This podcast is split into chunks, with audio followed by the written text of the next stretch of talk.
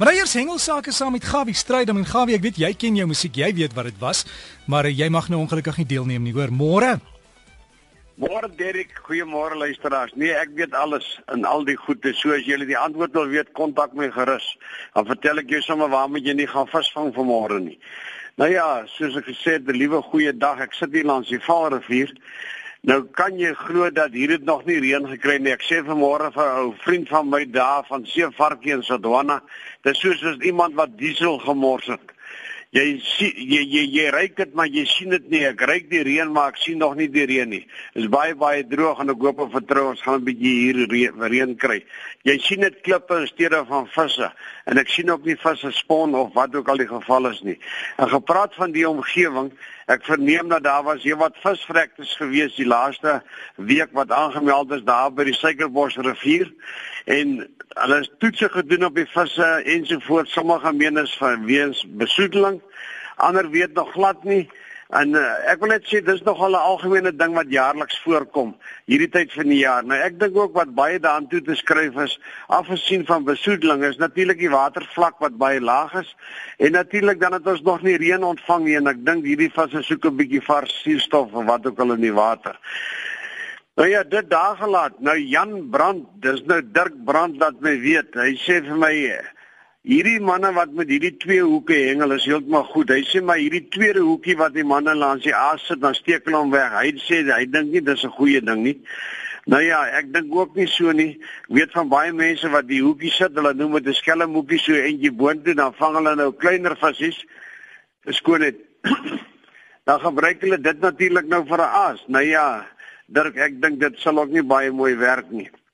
Nou Frans Swanepoel Hy sê vir my dat daarby hulle gaan dit ook nog klop Dusselboon.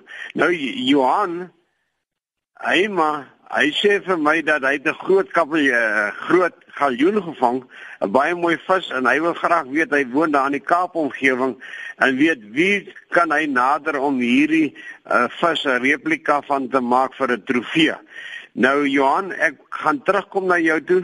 Ek het al een of twee persone gekontak en dan sal ek met jou in verbinding tree en dan kan ons kyk waar kan jy 'n mooi trofee van die vis kry. Nou eenad is swart. Hy is so 'n bietjie buiteland toe gewees en hy stuur vir my 'n foto van 'n baie mooi kabeljou wat hy gevang het dis nou in Australië, daar in Newcastle se wêreld van 21.5 kg en dan ook die 18 kg wat hy in Januarie gevang het. Nou en dan het sommer Dion van Heerden daarvan Tugela Mond. Hy sê vir my daar het hulle ook nou baie mooi vis gekry en die grootste hierdie week was 'n uh, kabeljou gewees, 'n 30 kg Daga salmon. Nou dis ook 'n kabeljou en ek wil graag met julle 'n bietjie deel oor hierdie kabeljoue. En Jy kry eintlik twee soorte kabeljoue by ons in Suid-Afrika en hulle praat van 'n boerkabeljou en dan praat hulle van 'n silwer kabeljou. Nou daar in die omgewing as ek nou lees hierso in Jan Langehoven se boek se boek wat se naam is Gooi los, dan het hy 'n breedvoerige beskrywing van hoe die kabeljoue lyk en self hierdie oorsteentjies dat dit verskil van mekaar en ek dink die mees kenmerkende deel wat jy hom kan uitken is by die stert. Hy is natuurlik by die stert deel wat baie dikker. En natuurlik het die hart van die saak die kleur ook daar. Ek gaan met die later 'n bietjie meer gesels oor hoe uh, ou hierdie goed kan uitken. Nou die boerkabeljou is in die algemeen is dit natuurlik die vis is hy die swaarder een van die twee tipe kabeljoue.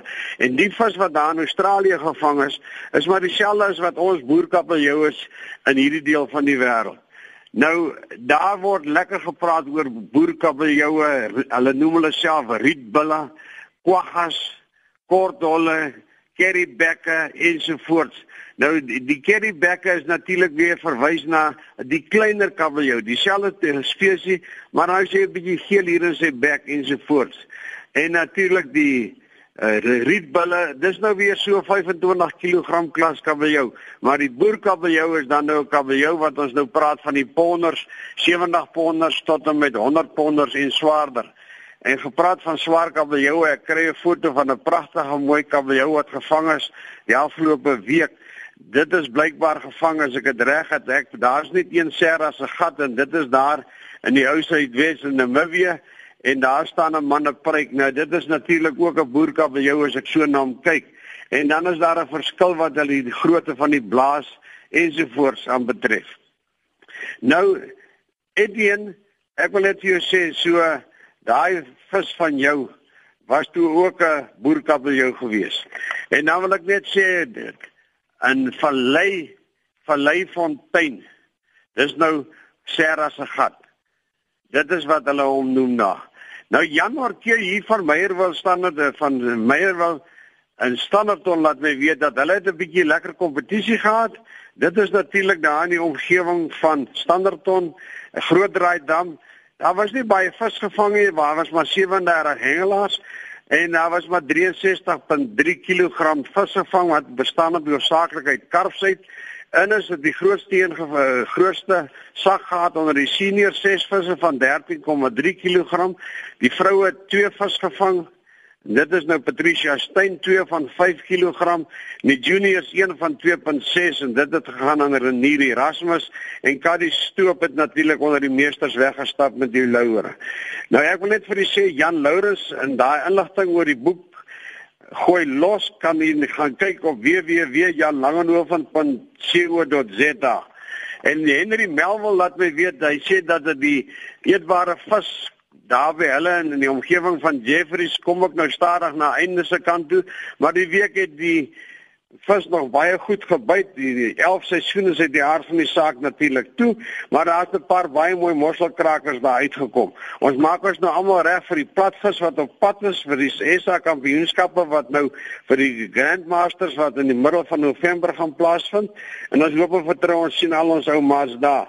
En tuis laat my weet, dit is nou daar van die Weskus. Hy is nou al vanmôre reeds op pad see toe. Hy sê dat hy gaan 'n bietjie van die visse daar by Dassen Eiland bymekaar maak. Hy sê maar hy wil probeer vroeg terugkom voordat die rugby in die gang is. Nou tuis, ek weet wie gaan wen, maar ek gaan nie nou vir jou sê nie want ek gaan tog nie nou jou dag bederf nie. Nou ek dink jy moet my Lucy jou kwota vis vang en klaar kry en vergeet vandag van die rugby. Nou van rugby gepraat, ek hoop nou jou span wen vandag.